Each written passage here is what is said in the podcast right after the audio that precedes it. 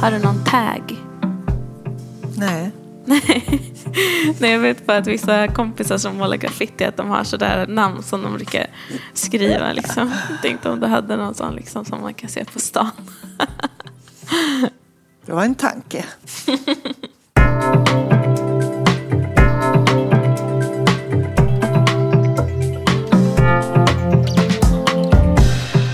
Hur arbetar konstnärer runt om i landet med grafik idag?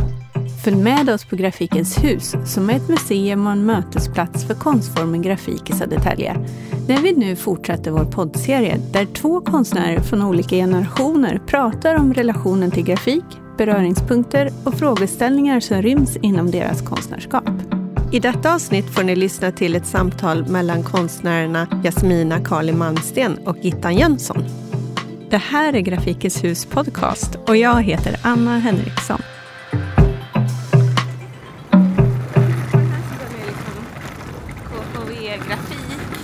Men du är ju medlem, eller? Ja, precis. Så. Nej, där borta.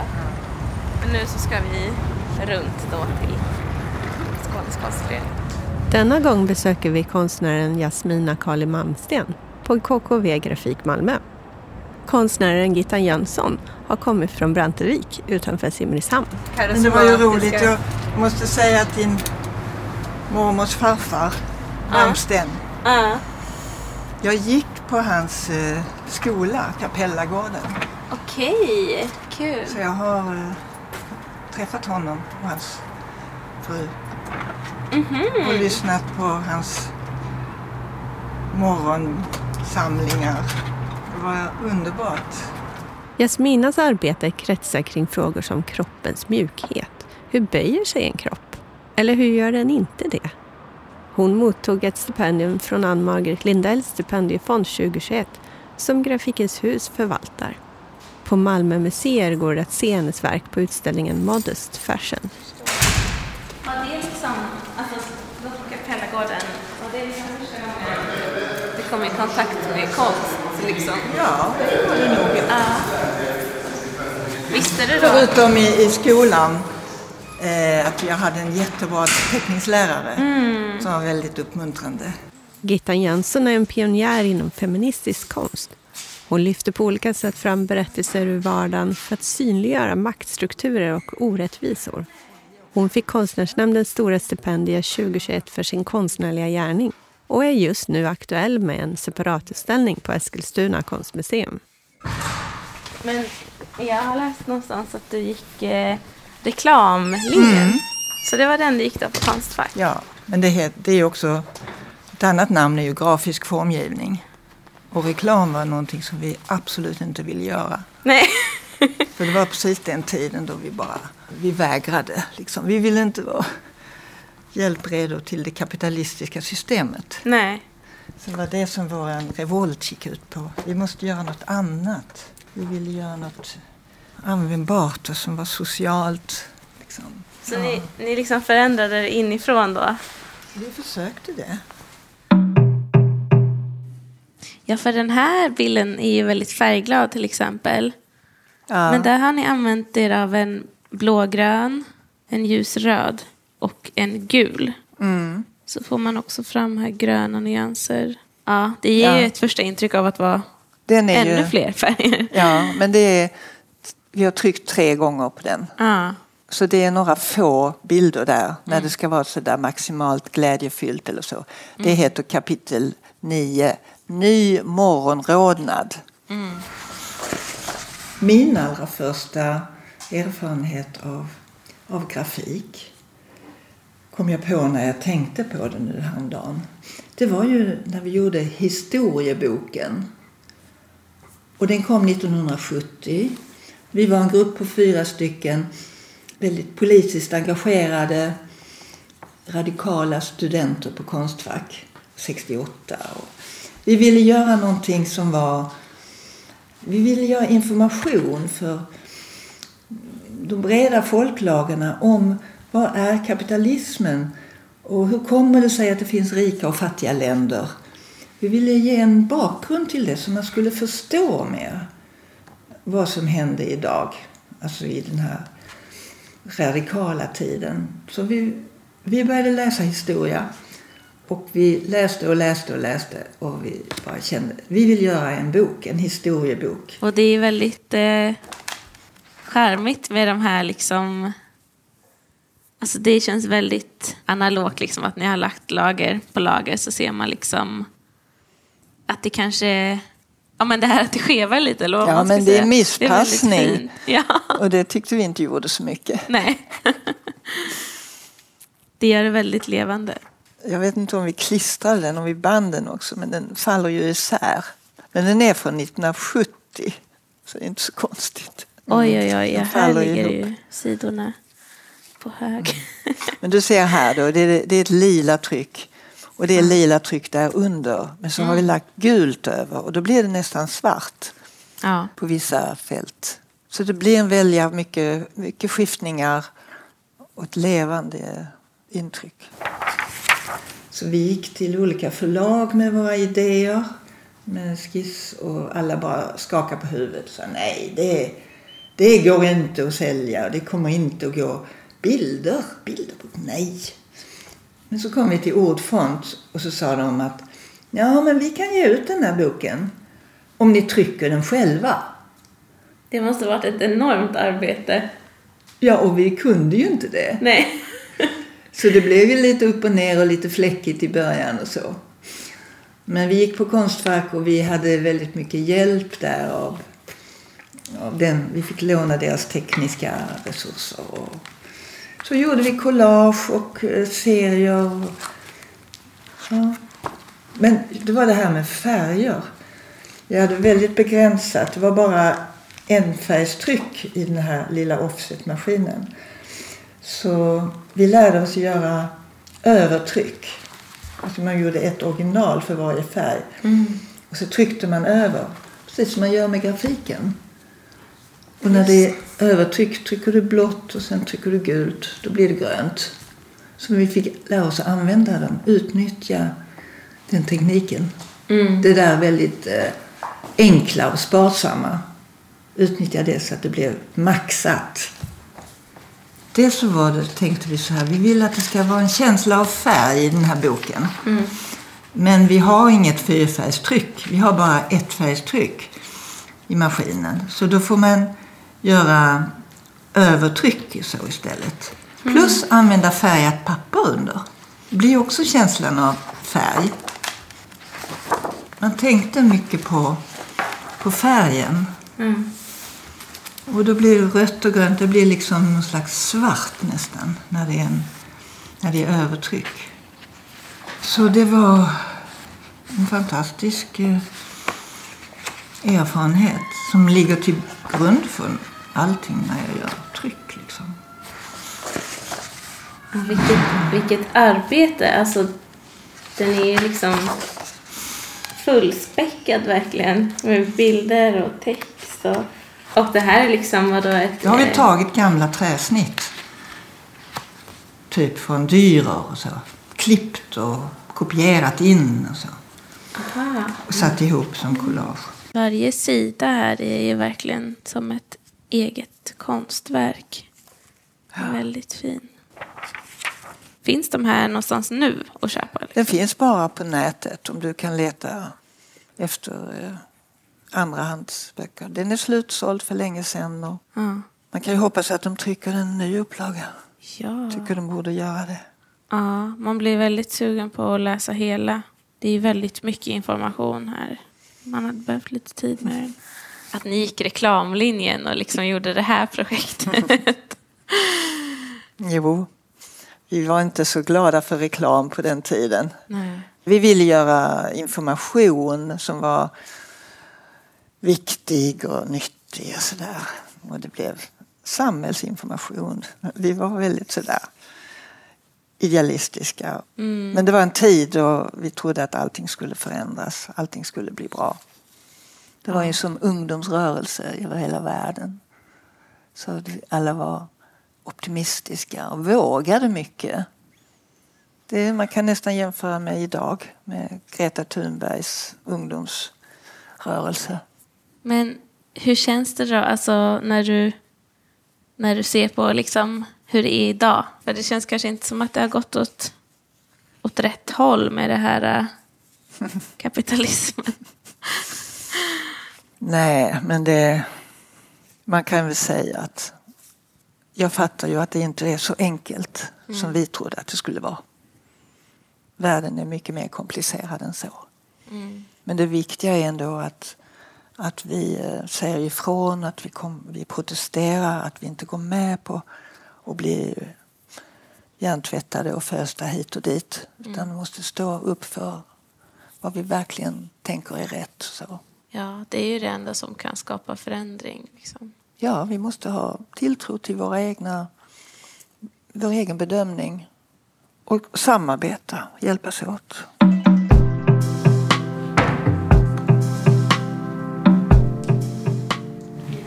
Utställningen heter Song in my veins och det är eh, jag och en till konstnär som ställer ut.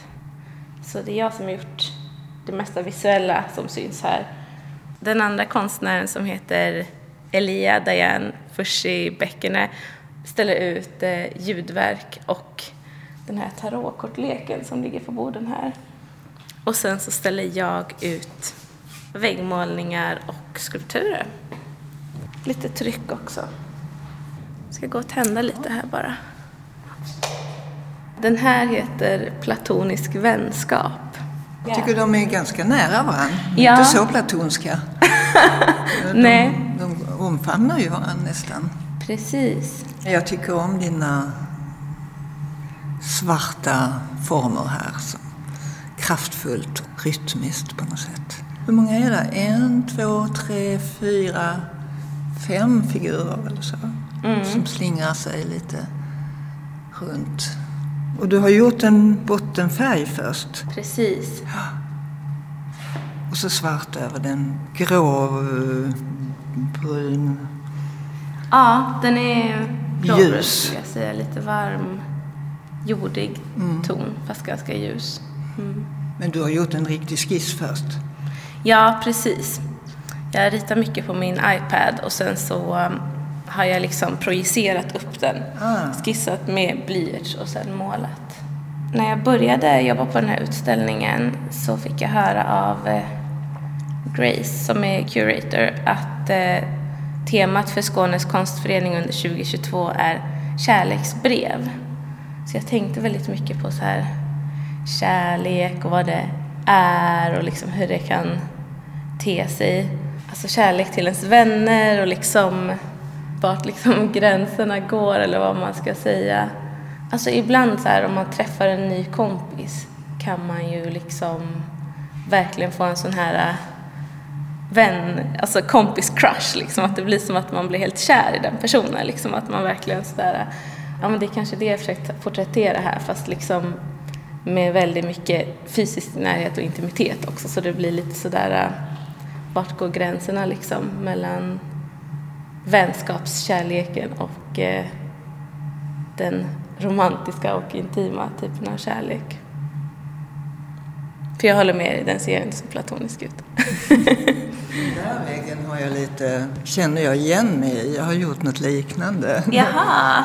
Med någon sån där, ja lite orgiastisk eh, sammankomst där med de nakna kropparna. ja. Vad, berätta, vad var det för någonting du gjorde då? Ja, det var väl någon tillbakablick på den här tiden då, då vi skulle vara så fruktansvärt radikala mm. och alla gränser skulle lösas upp så alltså på 60-talet. Mm.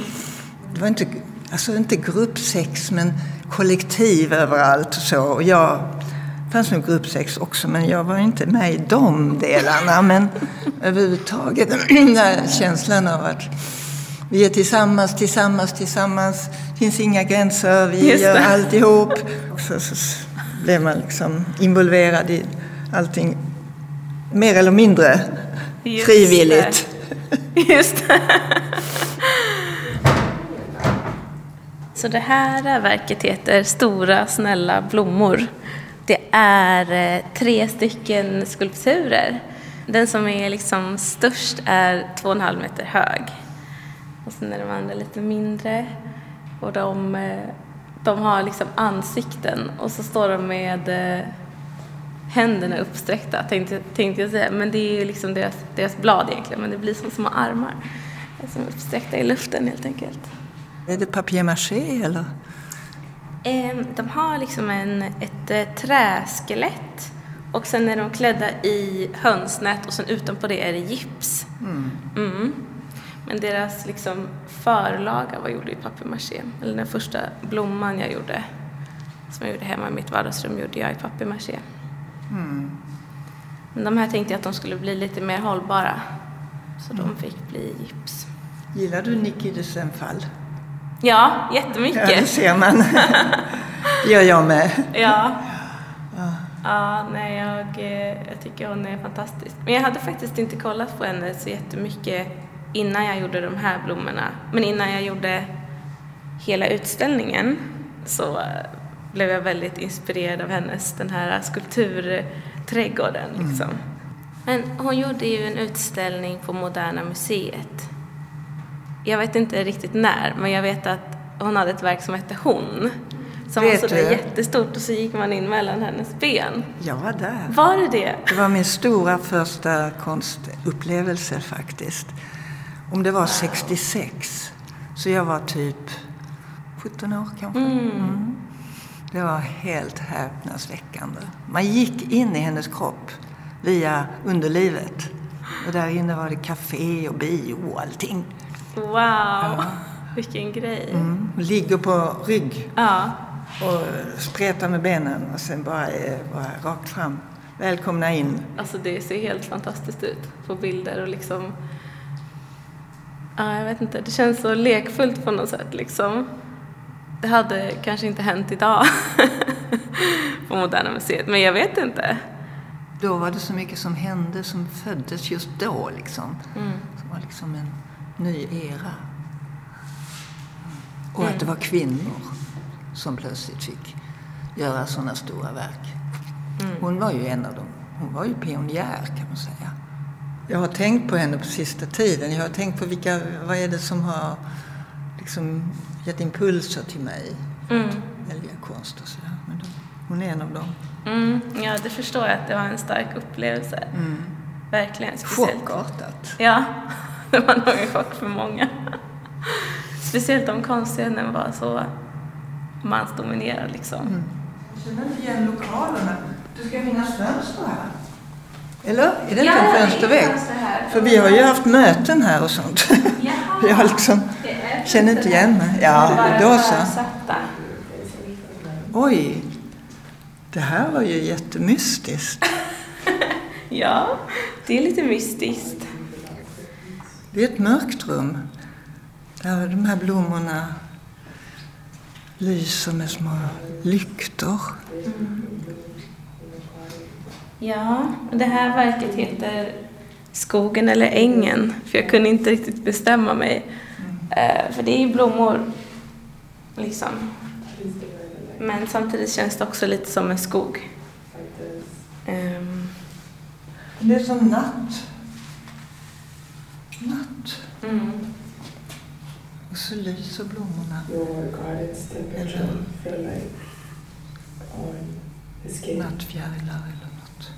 Mm.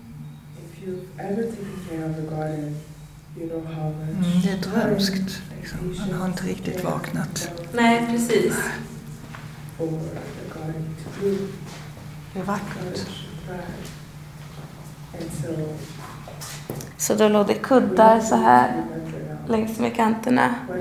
Och så satt, eh, på vernissagen så satt alla och blundade så här och lutade sig eh, mot väggen. Så det var väldigt fint. För jag kom, jag kom liksom hit och så tänkte jag, var det helt tomt? Och så klev jag in och så satt det liksom så här 20 pers här. och var helt liksom i någon annan verklighet. Det måste varit jättefint.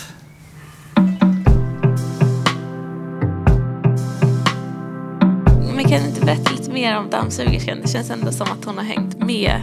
Liksom, både i dina illustrationer och liksom målningar. Jo, men absolut. Eh, Jag eh, hade alla möjliga motivvärldar under en lång tid. Jag målade landskap och målade nästan abstrakt och sådär. Och så.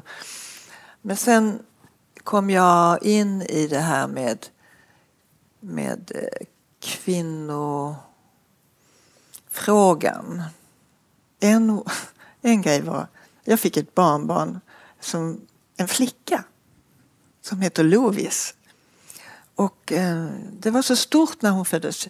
Det var ju stort när jag fick min pojk, pojkbarnbarn, mitt pojkbarnbarn också.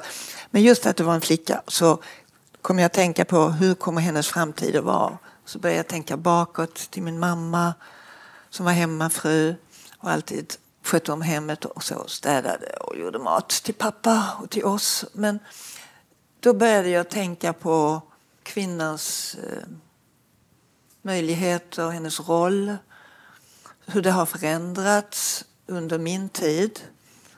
Jag har ju också varit involverad i kvinnorörelsen inom konsten för att få fram mera bättre möjligheter för kvinnliga konstnärer att ställa ut överhuvudtaget och visas upp. Och, eh, det gjorde vi ja, kvinnokulturfestivalen på 70-talet. Och, så jag har ju varit mycket involverad i de här stora frågorna som har varit viktiga, tror jag, för även efterkommande generationer mm. kvinnor som vill jobba med konst.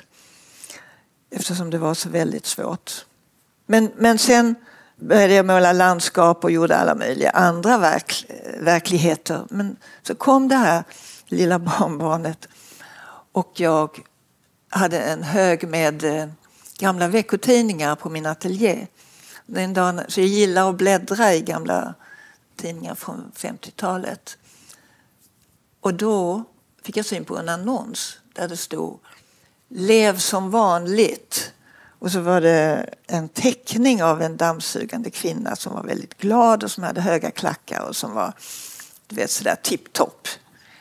Och så var det reklam för Mimosept, en dambinda. Mm. Så man skulle leva som vanligt. Även när man har mens så ska man kunna dammsuga varje dag. och jag blev så taggad av den här.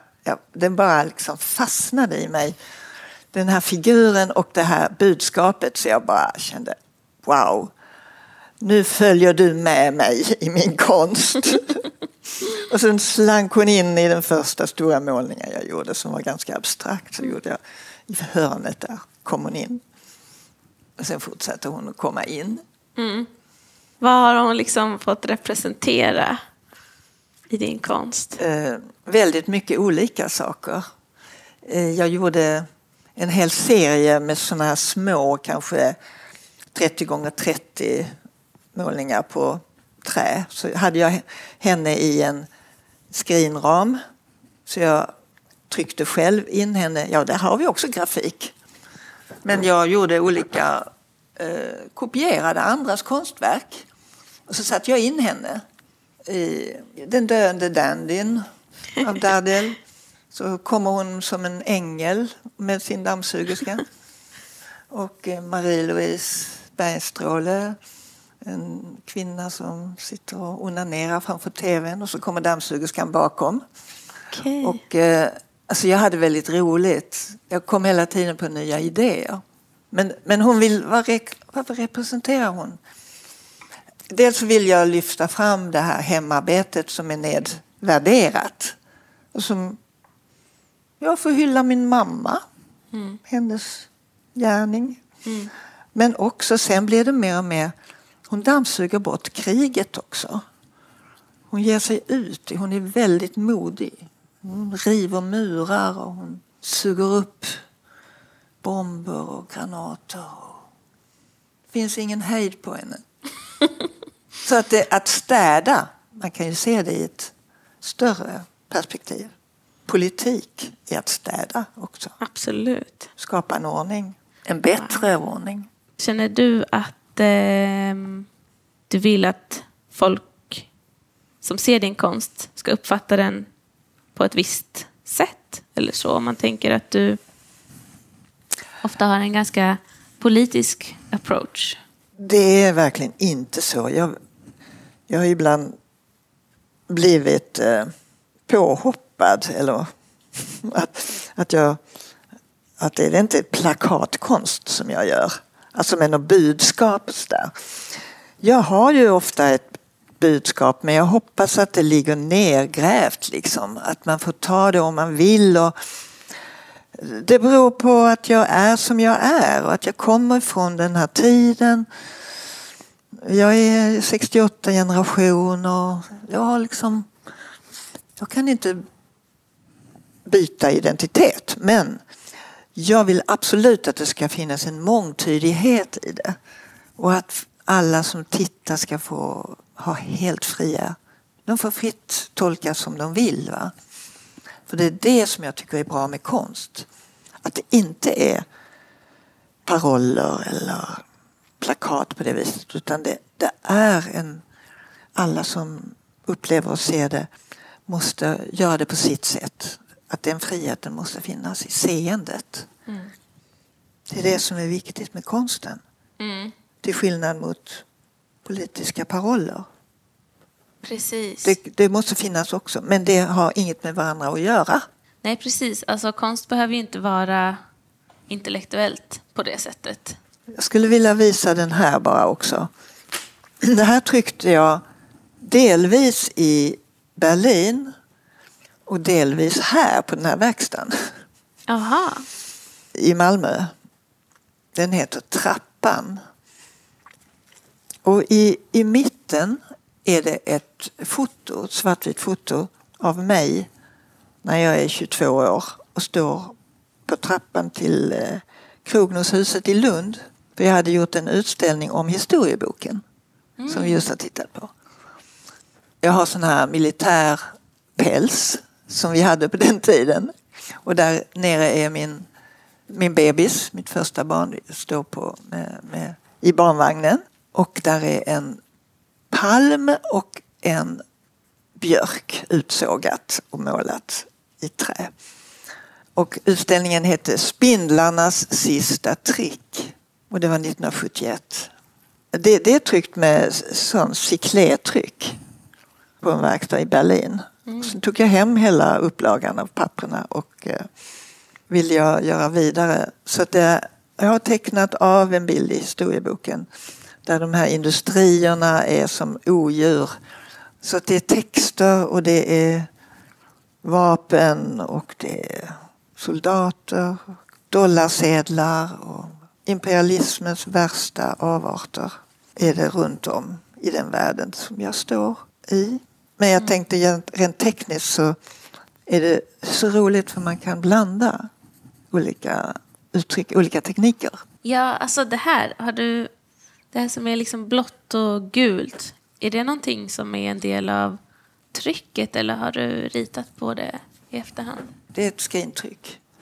Eller, okay, eller nu kommer jag inte ihåg. Nej, så här är det. Det är ett svart tryck. Mm. Så eh, de här eh, monsterna som är industrier och kronor, dollar, yen och franc och D-mark. Det är tryckt i skrintryck och sen har jag ritat på det här gula, lite fläckar. Så här. Alltså fotot här på dig med, med de här eh, träden runt och barnvagnen.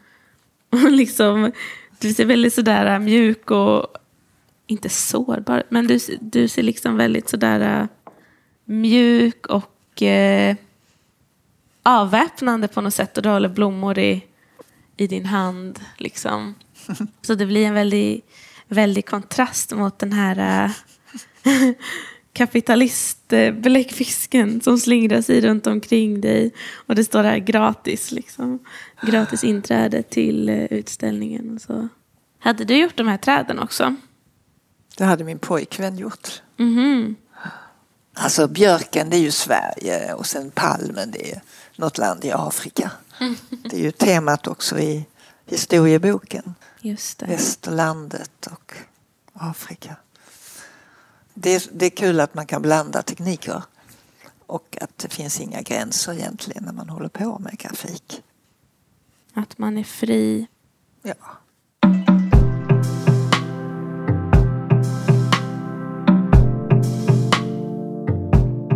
Jag har ju sett dina väggmålningar nu här och skulpturerna. Du har jobbat med grafik också, med tryck. Mm. Och eh, har du har du någon speciell motivvärld när du gör grafiken? Eller hur tänker du? Ja, alltså som du såg där på mina väggmålningar så jobbar jag mycket med liksom kroppar. Och det gör jag också väldigt mycket i eh, mina grafiska tryck. Och första inspirationen till det kom faktiskt ifrån när vi hade eh, krokiteckning på um, Östra Grevie där jag eh, gick grafiklinjen. Jag tyckte det var så himla härligt liksom att eh, teckna kroki och liksom att kroppen bara fick vara i ett sammanhang som Alltså jag trodde nog att det skulle vara lite stelt innan jag hade upplevt det och då tyckte jag bara att det var ett sånt här härligt lugn liksom i krokisalen och kroppen fick bara vara liksom former och, eh, och kropp helt enkelt och inte så den var inte dömd och det var inte laddat liksom. Um, så jag tog med mig några av de här illustrationerna och gjorde ett eh, träsnitt. Och den krokimodellen vi hade då var en gravid kvinna. Så det blev liksom eh, ett tryck av några gravida kvinnor som sitter och badar. Och det var första gången som jag gjorde liksom de här fyllda formerna för jag jobbar väldigt mycket med liksom fyllda färgfält. Och nu har jag återkommit lite till linjeteckningar men, eh, men det är mycket liksom fyllda färgfält. Det är lite Matisse. Jag har fått höra det några gånger. Nej men han klippte ju mycket i papper och sådär. Det gjorde jag också. Innan jag skaffade min iPad så höll jag mycket på att klippa i papper och skära ut och så liksom. Så jag tror jag har tagit med mig det uttrycket lite in i det digitala. Mm. Jag gillade också väldigt mycket krokiteckning. Jag har gjort det jättemycket. Mm. Ehm, Jag började som väldigt ung och gick på krokikurs i Helsingborg. Okej. Men jag, jag tycker det är att teckna det som jag ser. Det ger den där kopplingen mellan ögat och handen. Det skapar en, en ny värld. Mm. Det som kommer ut på pappret. Okej, här är nog mest mina provtryck så det är lite sådär eh, färgstänk och sånt. Men här har vi en som heter Eva. Wow! Oj, vilken härlig... Gud, vad kul! Den där röda ormen som slingar sig kring hennes stora blåa kropp. Hon sitter ju och äter på ett äpple och har lite äppelskrutt runt omkring sig. Liksom. Hon kan inte få nog av kunskapens frukt. Den är otroligt rolig och effektfull. Två starka färger på det vita. Och det Och är lite- faktiskt den tredje. En gul, Precis. äpplena där. Det är någonting med den där färgkombinationen tycker jag. Den Absolut. blåa och den röda. Det är väldigt liksom, kraftfulla färger på något sätt. Men är det skrin? Ja, precis. Och det där var liksom en sån bild som bara kom till mig. Har du haft så någon gång att man liksom bara får upp så bara smack en bild i huvudet och så måste man bara få ut den på något sätt liksom. Hur, hur kom den till dig? Vad var det som orsakade? Kommer du ihåg det? Mm.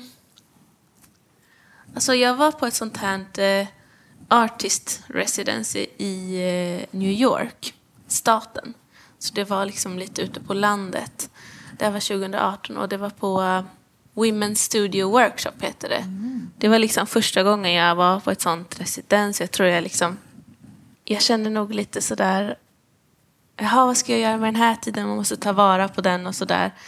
Och jag hade liksom inget konkret som jag visste att jag eh, skulle göra eller så. Men sen så eh, kom eh, Eva till mig Ja. och det blev mitt första tryck som jag gjorde där på plats. Och det kändes väldigt bra faktiskt. Hon är väldigt konkret. Fantastisk. Får jag visa en, en, något motsvarande man kan säga? Jättegärna. Och här har vi en liten, liten reklam. Mhm. Är det här någon utställning som håller på nu? Nu, yes! På Eskilstuna konstmuseum. Kul. Nej men just det där med när man tecknar, ja. Som här gick jag i Berlin. Och då en dag hittade hon den här ställningen som jag sen har överfört på, till ett eh, litografi. litografi. Och modellen sitter och gömmer ansiktet i händerna. Hon sitter på knä. Och jag bara undrade, varför gör hon så? Varför sitter hon så? Det var mitt, precis efter metoo-vågen. Och jag bara började tolka in så mycket i den här, vad säger man? Ställningen. Ställningen. Att det är någonting som hon döljer. Erfarenhet, ett minne eller någonting. Så att, sen använde jag den och jo- jobbade vidare med den ställningen. Så det, och då heter den Top Secret. Wow. Intressant. Hon ser ju liksom... eh, Man undrar liksom om hon gråter eller om hon skäms över någonting eller liksom... Just det här att hon gömmer sitt ansikte. Det är väldigt... Jag hade nog också reagerat på om en krokimodell gjorde så. Vad spännande att hon Mm. valde att sätta sig så. Kanske, den här kanske jag kan ta fram också. För att det är liksom mitt sorgligaste tryck hittills. Det här är inte beskuret i sin rätta storlek. Ja, den är stor. Den här handlar om döende kärlek. Så är det då en eh, person som håller om en annan som ser... Eller kan inte du säga vad du ser? Ja, men alltså allt blir personligt. Jag ser något helt annat. Jag ser att det är jag och så är det min bror för han hade råkat ut för en olycka som var väldigt svår. Så att eh, jag har gjort många sådana här bilder med, ja, med tragisk... Jag tänker på pietà. Vet du vad det är? Nej. Det är latinskt för eh, barmhärtighet. Eh, och eh, jag ser Maria och Jesus. Kristusbild nedtagen från korset. Och hur, eh, hur Maria sörjer. Det är en väldigt klassisk, ett väldigt klassiskt motiv i, i vår historia. Och jag också kan tolka det som en eh, personlig erfarenhet när min lillebror hade råkat ut för en svår olycka i vuxen ålder. Och jag har själv jobbat med det här temat många gånger. Så det är mycket som väcks i mig. Men det, det är den här barmhärtigheten i att, att bli omhändertagen efter en katastrof. Och att vi måste visa vår kärlek och ömhet. Och sorg. Det är ju så mycket sorg i den. Mm. Ja, vad fint. Intressant att du kopplar till eh, det här Jesus och Maria-temat. För det är så mycket symboler som vi bär på kollektivt. Som man eh, säkert refererar till ofta utan att göra det medvetet. Vad är det här för form som går upp där? Det är hennes ena ben. Att hon liksom Jaha. sitter upp med benet så här. Ja, hon, hon har honom mellan sig. Sådär och andra benet går här. Mm. Mm, jag gillar att göra liksom att kroppen får ta mycket plats. Flyta ut. Stora former. Och här är din omtalade armbåge. Just det, där är den. Den distinkta armbågen.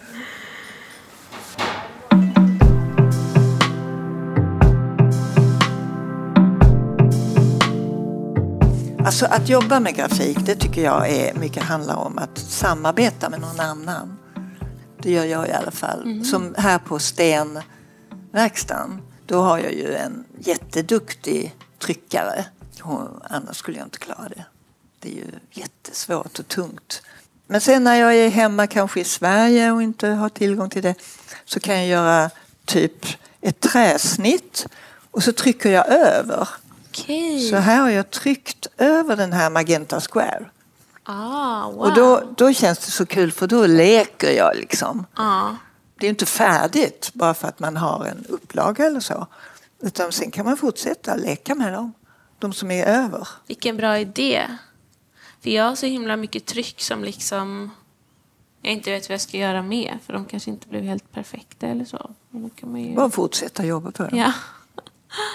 Så här har jag lagt en, eh, mm, ett svartvitt eh, linoleumsnitt är det över en, en ilsken kvinnokropp. Det är lite som dina svarta kroppar. Fast hon öppnar sitt sköte och eh, öppnar sina, sin mun så hon har vassa huggtänder. Det är nästan lite som eh, hon som vi pratade om innan. Nicky de Sandfall. Ja. Med benen sådär. Fast hon kanske inte ser så välkomnande ut. Liksom. Nej. Man vill inte riktigt kliva in där. Kroppen är verkligen någonting som jag känner igen mig i. Liksom, och de här linjerna som är ganska roa. Och jag känner ju att även om jag gör eh, eller även om jag har gjort väggmålningar nu så har jag ändå liksom tagit med mig uttrycket som jag mycket har skapat i grafiken även till väggarna. Man vill att linjerna ska bli ganska råa och sådär som de blir när man liksom skär ut dem och så. Och just det här med liksom fyllda former för det blir ganska eller det är ju ganska lätt att göra fyllda former när man gör linoleumsnitt och träsnitt och så. Liksom. Det är ju svårare att göra linjeteckningar. Om man vill ha en svart linje då måste man ju karva bort allt förutom linjer. Liksom. Så den här liksom fyllda kroppen, den tycker jag påminner om eh, min konst också faktiskt. Och det är kul att se hur du leker med färg och övertryck och så. Jag, Ja, det är eh, väl ett... Eh, började med historieboken kan man säga. Ja, vad kul att jag har fått följa med liksom. Ja, men jag kommer tänka på det nu när jag tänkte på vad jag har gjort i grafik och sådär. Ja, men det började ju med det. Här kommer dammsugerskan in. Wow. Ett, ett tryck som heter Map of Destiny. Och det är kartbilden här. Om det nu är Berlin eller så. Jag har ju, jag har bott väldigt mycket i Berlin och de, alla de linjerna och spåren som finns överallt som är i en storstad. Som det bara korsar och svänger. Och det är ju en enorm labyrint av linjer. Där är en upp och nervänd kyrka. Och sen är det ett huvud här, en räv. Ja. Ja, jag skulle köra upp, köra med bil upp till litografiska verkstaden Mm. i eh, Tidaholm. Och då kom det en räv springande över vägen. Och jag krockade med den. Jag körde på Okej. den. Den dog. Mm. Och det var så himla sorgligt. Så att eh, jag fick ställa in den resan. Men han fick eh, komma med in i min bildvärld. Sen Ja. fick jag skjuta upp alltihopa några månader. Så gjorde jag den här bilden och då fick räven följa med. Ja. Blev du liksom så påverkad av den händelsen att Ja, ja. kände? Mm. Men också att bilen gick sönder. Jaha, Eller det blev krockskada där. okej.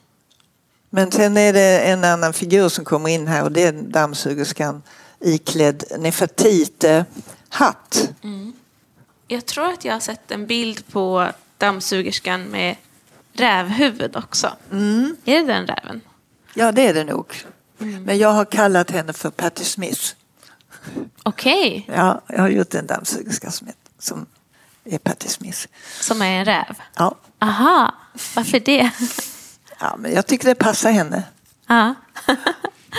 Hon bara kör på, hon är stark, hon är envis, hon är åldras men eh, hon bryr sig inte om det. Hon bara fortsätter med sitt.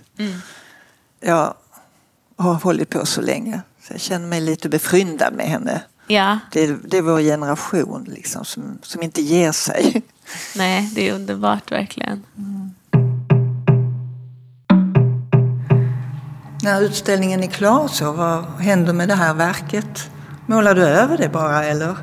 Jag har sålt de här så någonting får vi hitta på. Nej då.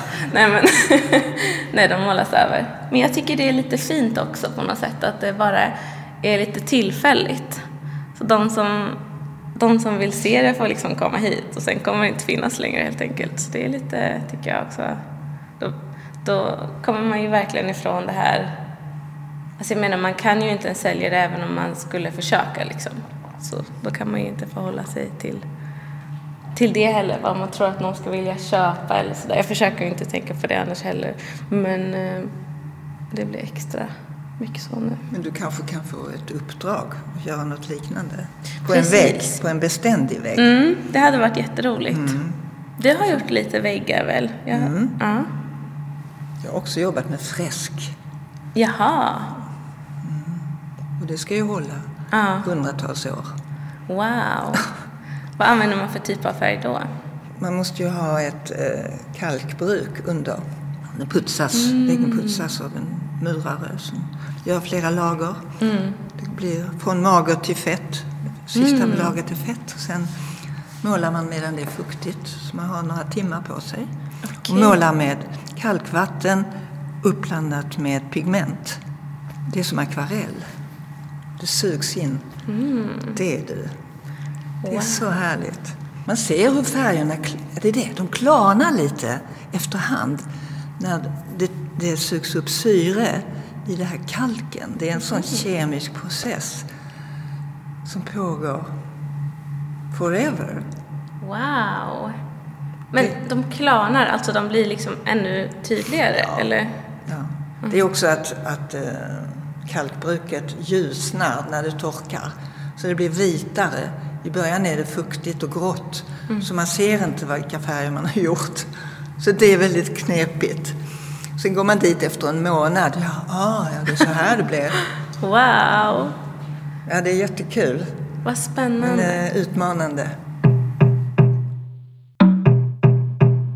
Och nu, alltså, jag har ju inte läst den här historieboken som liten, men jag tänker att många säkert gjorde det. Alltså många hade säkert en hemma och liksom, det måste gett ett väldigt starkt intryck för många och lagt grunden för mångas politiska tänk och eh, förhållningssätt. Jag tänker att det är väldigt viktigt att man ser hur man kan påverka. Att man ser att man kan göra skillnad på något sätt. De små fröna man planterar helt enkelt som kan växa över tid. Att man ser att de kan vara viktiga helt enkelt. Mm, vad fint att du säger det. Det känns jättebra. Nej, men det, det är svårt att se eh, själv att någonting man har gjort kan spridas och leva vidare i andra och så. Men, men det är såklart så. Allt, allt som vi gör har betydelse. Även det du gör har betydelse ett gensvar hos den personen som ser det. Och det är den eh, kommunikationen som är så viktig. Det är därför konst är så viktigt. För det sprider sig vidare. Det, det lever vidare som frön i åskådaren som bär det med sig. Jag tänker på liksom orsak och verkan. Man vet liksom aldrig vad, vad för effekt någonting kan ha. Men, men det känns väldigt viktigt att alltså liksom de sakerna som man skapar och liksom visar, sprider ut i den här världen. Att det känns eh, för mig väldigt viktigt att, att det kommer liksom från en positiv plats i mig. Eller liksom att jag har någon slags positiv intention. Det behöver inte vara att alla bilder ska vara jätteglada eller så. Liksom. Men jag vill ändå att det ska väcka någonting innerligt eller någonting sant i, i iakttagaren av verket. Det känns viktigt för mig. Jag fattar, jag håller med dig. Det är ju ändå väldigt mycket frågan om ett eh, samspel. Du kan inte säga att jag gör det bara för mig själv. För du har ändå den här intentionen att visa det. Ge det vidare till någon annan som reagerar, som tar emot det, som bär vidare. Det tycker jag är väldigt klart. Verkligen. Jag tycker det blir sån skillnad på liksom när man är i skapande processen och sen så har man ett färdigt verk. Det är sån olika energi där på något sätt. För det färdiga verket är ju någonting man då eventuellt delar med sig av till sin omvärld och som folk kan göra någonting eget av. För jag kan ju inte, jag kan inte säga till någon vad den ska uppleva när den ser min bild.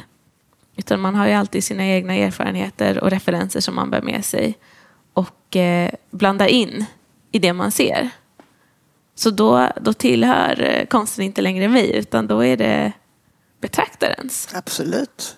Och jag känner på något sätt att jag inte heller är ansvarig heller för, för, liksom, för min konst när den är klar. För då får den, den får tala för sig själv på något sätt. Nej, det är ditt barn som ger sig ut i världen och lever vidare sitt eget liv. ja, precis.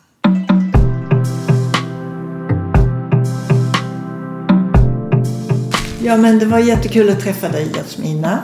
Och eh, jag känner att eh, livet går vidare inom konsten. Du kommer att göra jätteroliga saker framåt här och jag tyckte mycket om dina väggmålningar. Så jag hoppas att du fortsätter med din inspirerande verksamhet. Tack för att jag fick komma. Vad fint. Tack så jättemycket för att du kom hit. Det har varit så kul att se eh, alla dina fina bilder som du hade med dig här. Och det är väldigt inspirerande att eh, få träffa en konstnär som har varit aktiv över så lång tid och som fortsätter att vara nyfiken och utforska nya material och tillvägagångssätt. Och jag gillar väldigt mycket det här att du liksom, du bara kör och du liksom, kan man säga att du inte har så mycket respekt för materialet i sig liksom, utan du bara liksom, du har, du har ett tryck och du trycker lager efter lager och ja, livet går vidare helt enkelt.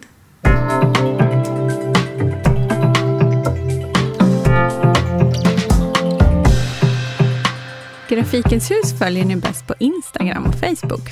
Gilla oss gärna där, så ser ni hur vi under året fortsätter vår genomlysning av grafiken och alla andra projekt vi gör i Södertälje. Vi finns såklart också på grafikenshus.se. Tack till dig som lyssnar. Vi hörs!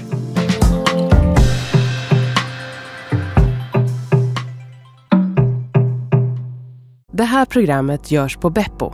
Beppo. Beppo. Beppo.se